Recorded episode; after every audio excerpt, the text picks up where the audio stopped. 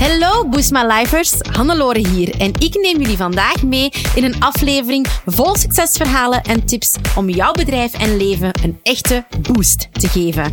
Buckle up and get ready for Boost My Life. Ja, we zijn hier weer met een Hallo. nieuwe aflevering van de Bali Summer Vibes. En vandaag gaan we het hebben over een hele interessante vraag die van jullie is gekomen. Namelijk, hoe moet ik omgaan met klachten of ontevreden klanten?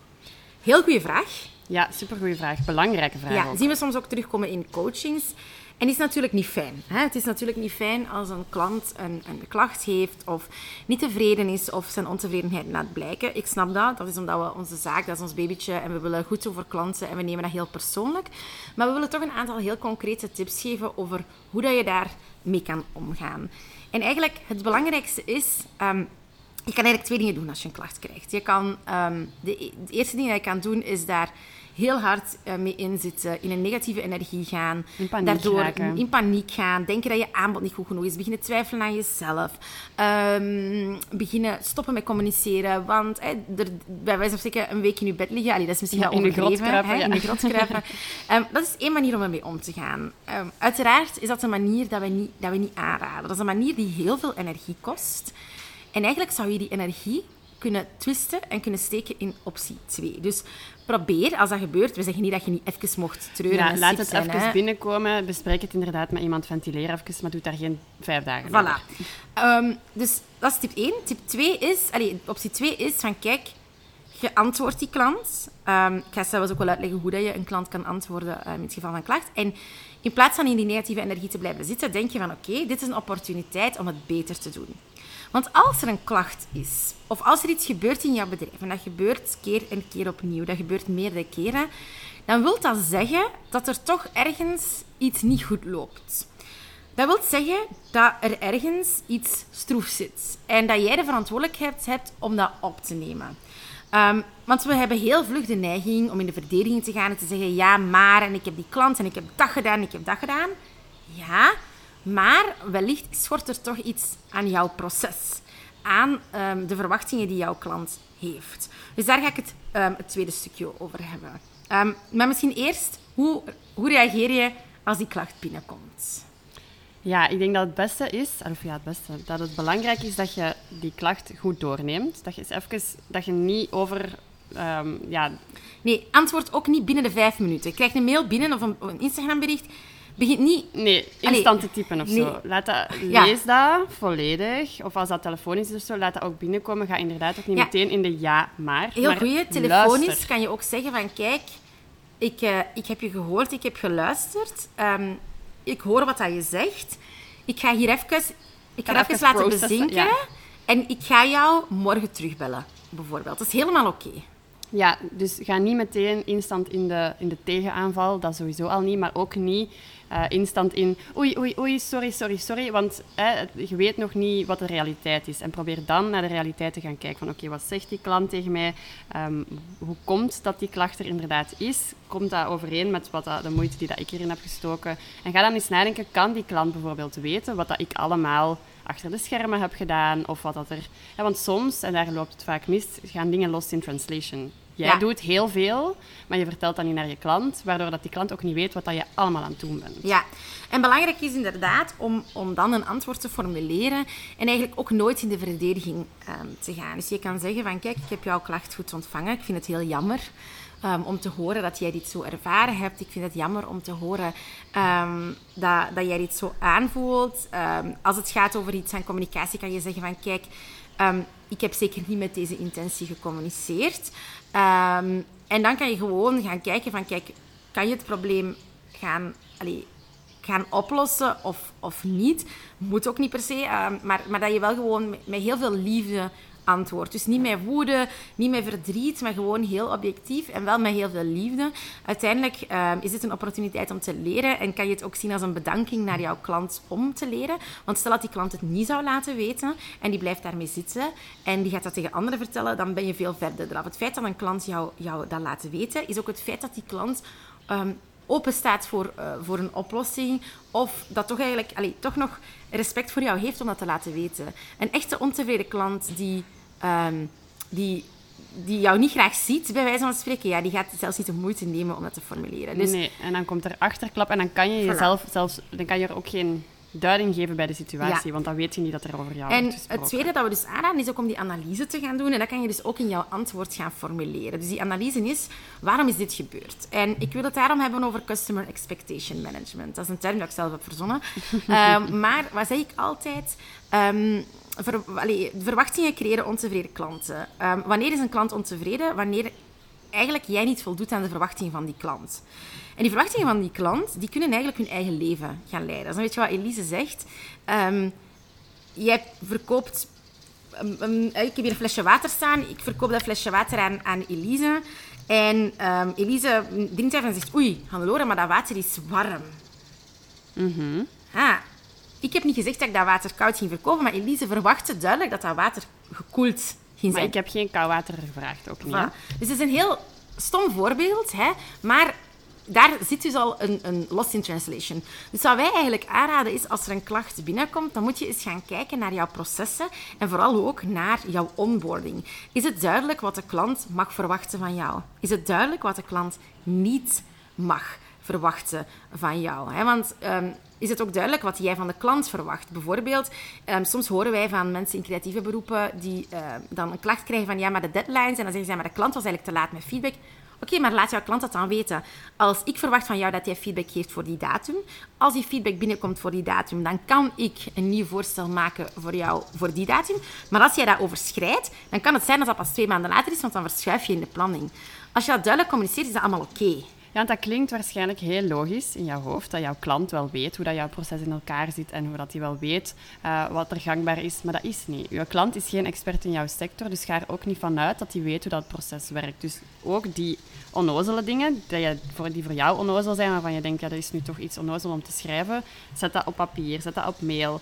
Geef dat duidelijk weer in je, on- in je onboarding hoe dat, dat in zijn werk Ja. gaat, hoe onnozel het ook klinkt. En denk ook niet, ja, maar ik heb dat een keer gezegd tijdens een kennismakingsgesprek. Mensen onthouden dat niet. Voor jou is dat heel duidelijk. Jij bent bezig met jouw bedrijf.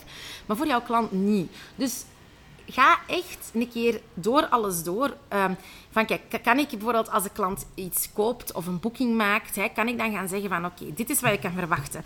Bijvoorbeeld, dit is waar het doorgaat, hoe lang dat iets duurt. Dit is wat ik van jou verwacht. Kom op tijd. Dit is wat je van mij kan verwachten. Dit is ook wat er gebeurt als jij jou niet aan de afspraken houdt. Bijvoorbeeld, stel je hebt een schoonheidssalon, een klant komt 10 minuten te laat, dat je op voorhand kan doorgeven van kijk, ik ga die behandeling niet meer kunnen uitvoeren, dat dat op papier staat.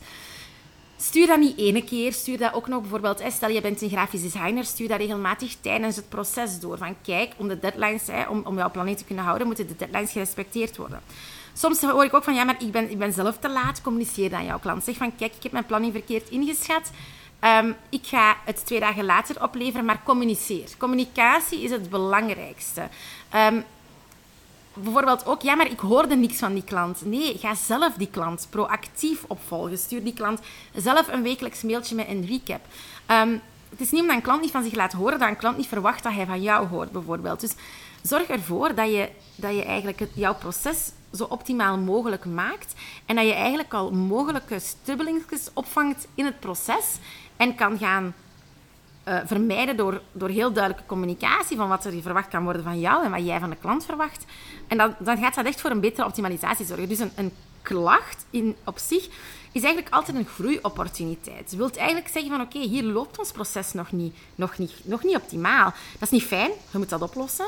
Ehm, en we moeten gewoon zorgen dat ons proces dan optimaal gaat verlopen.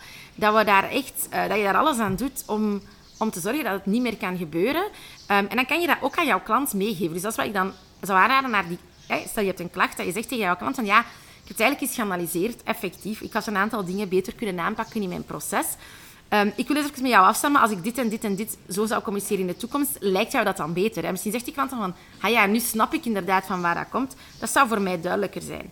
En dan is dat probleem vaak ook al opgelost. Ja, en een goede vraag ook om aan jezelf te stellen, en die stellen wij onszelf ook, van wat ga ik doen om dat in de toekomst te vermijden? Dat je echt op papier schrijft van wat zijn acties dat ik zelf kan ondernemen, zodat dat niet meer gebeurt. En dan komen we terug op alles wat we net hebben gezegd, maar schrijf dat ook uit. Ja. Dat je ook zicht hebt op hetgeen wat je moet doen om dit niet meer, niet meer voor te Ja, hebben. en zie het niet als falen, want falen bestaat niet, maar als hè, fail first attempt in learning. Ehm, dat is niet leuk, hè? Als wij, als wij ontevreden klanten hebben, dat is, dat is niet fijn, maar je kunt daar dan twee dingen mee doen. Oké, je moet zorgen dat dat niet meer gebeurt in de toekomst, dat we daar alles aan doen om niet meer te gebeuren in de toekomst. En we moeten die processen gaan bekijken. Wat loopt er niet goed? Wat kan er beter? Waarom is die klant ontevreden? Wat maakt dat dat, dat heeft getriggerd? Hoe kunnen we dat beter opvolgen? En inderdaad, misschien hebben we inderdaad niet duidelijk geweest naar de klant van wat verwacht ik van u? Wat kan jij van ons verwachten? Misschien ben je niet duidelijk geweest over timings ook. Ehm, en, en ja, het is niet voldoende om dat mondeling te zeggen aan iemand. Het is eigenlijk, en ook niet voldoende om dat ene keer te zeggen aan een klant. En bijvoorbeeld mensen die in, ehm, ik denk bijvoorbeeld aan architecten of zo, die in een, hè, dat is vaak een jaar dat je met een klant werkt. Ja, je kunt dat allemaal wel al ene keer op papier hebben gezet in het begin als die klant bij jou een offerte tekent. Maar die mensen zijn zo bezig met hun bouw en al, ja, die onthouden dat niet. Dus herhaal dat elke keer als je die ziet van, kijk, dit is wat, wat we nu gaan doen. Dit verwacht ik van jullie, dit kan je van mij verwachten. En vooral ook, dit kan je van mij niet verwachten. Ja, en een goede tip is ook als je met iemand telefonisch contact hebt gehad, of via, Mhm. mail, eh, via mail, via call of ehm, face-to-face, doe altijd, hè, wij noemen dat dan meeting minutes, stuur dan nog eens een overzichtje van wat je hebt besproken. Dan staat het ook gewoon op papier en dan kan niemand achteraf ook nog zeggen van ja, maar ik wist dat niet meer of je hebt dat niet gezegd. Nee, want dan heb je het gewoon doorgestuurd, dan staat het op mail en dan heeft Ja. die persoon ehm, geen recht om daar nog iets over te zeggen. Ja, en, en zorg er echt wel voor gewoon dat, dat een klant ook weet wat is inbegrepen, wat is niet inbegrepen. Ehm, eh, misschien een voorbeeldje van een, van coachie van ons. Eh, fotoshoots, zit een mini-album bij van 10 pagina's. Maar in de fotoshoot worden 15 foto's afgeleverd. En dus een klant klaagt, ja, maar ik wil dat die 15 foto's in dat album gaan. En zij zegt, ja, maar dan moeten we pagina's bijmaken, wat perfect, perfectly logic is. En die klant zegt, hoe, maar ja... Waarom nee, krijg ik dan 15 foto's? Waarom krijg je dan 15 foto's? En dat is dus communicatie. Je kan dat heel, heel eenvoudig oplossen door te zeggen kijk, je krijgt een album met 10 pagina's. Daar kunnen dus 10 foto's in die jij selecteert uit de 15 foto's die je krijgt. Wil je ze alle 15 erin? Kan, maar dan betaal je zoveel euro bij. En dan kan daar ook nooit een discussie over zijn of een klacht over komen, want het is heel duidelijk van in het begin. Ja, Zorg ook, en dat is wel een belangrijke, dat je wel goed legally ingedekt bent. Hè? Dat zo'n dingen ook in jouw algemene voorwaarden staat. Ehm, dat daar ook heel duidelijk is van, mogen klanten klagen? Hebben ze dan recht op een terugbetaling? Wanneer? Ja, nee. Ehm, dat soort dingen, dat moet je met een jurist afchecken. Daar zijn wij ook Ja, geen specialisten in. Maar zorg er wel voor dat je natuurlijk ook goed bent ingedekt. Een klant niet kan zeggen, ja, ik ben niet tevreden, ik wil mijn geld terug. Je je bent daar ook wettelijk beschermd. Hè? Een klant kan niet zomaar zijn geld terugvragen als er al diensten geleverd zijn. Maar zorg er wel voor dat jouw algemene voorwaarden dan nog eens extra indekken. Ehm, dus dat zijn wel echt ehm, zaken om ook mee ehm, om ook mee rekening te houden. En daar opnieuw, verwachtingen creëren ontevreden klanten, maar verwachtingen kunnen ook tevreden klanten creëren als je ze juist schept. Dus vertel ook aan mensen dat je geen magic kan doen. Wij zeggen dat ook aan mensen. Uh, wij hebben geen magic button om je bedrijf opeens te doen groeien. Wij kunnen er alles aan doen. Wij doen een inspanningsverbintenis, waarbij wij er alles aan zullen doen om jou te helpen. Maar stel dat iemand geen video's kijkt bij ons in Boost My Business, nooit op WhatsApp stuurt, um, niks implementeert, ja, dan kunnen wij ook geen wonderen doen. Nee, de verantwoordelijkheid er... ligt bij de klant ja, nog altijd. inderdaad. Je kunt er maar zoveel uithalen als dat je er zelf in steekt. Ja. En dat is vaak bij jullie klanten ook zo. Ja, en wij zeggen dat ook tegen onze coaches. Ja, ja absoluut. Dus ik denk dat dat het, aller, um, het allerbelangrijkste is.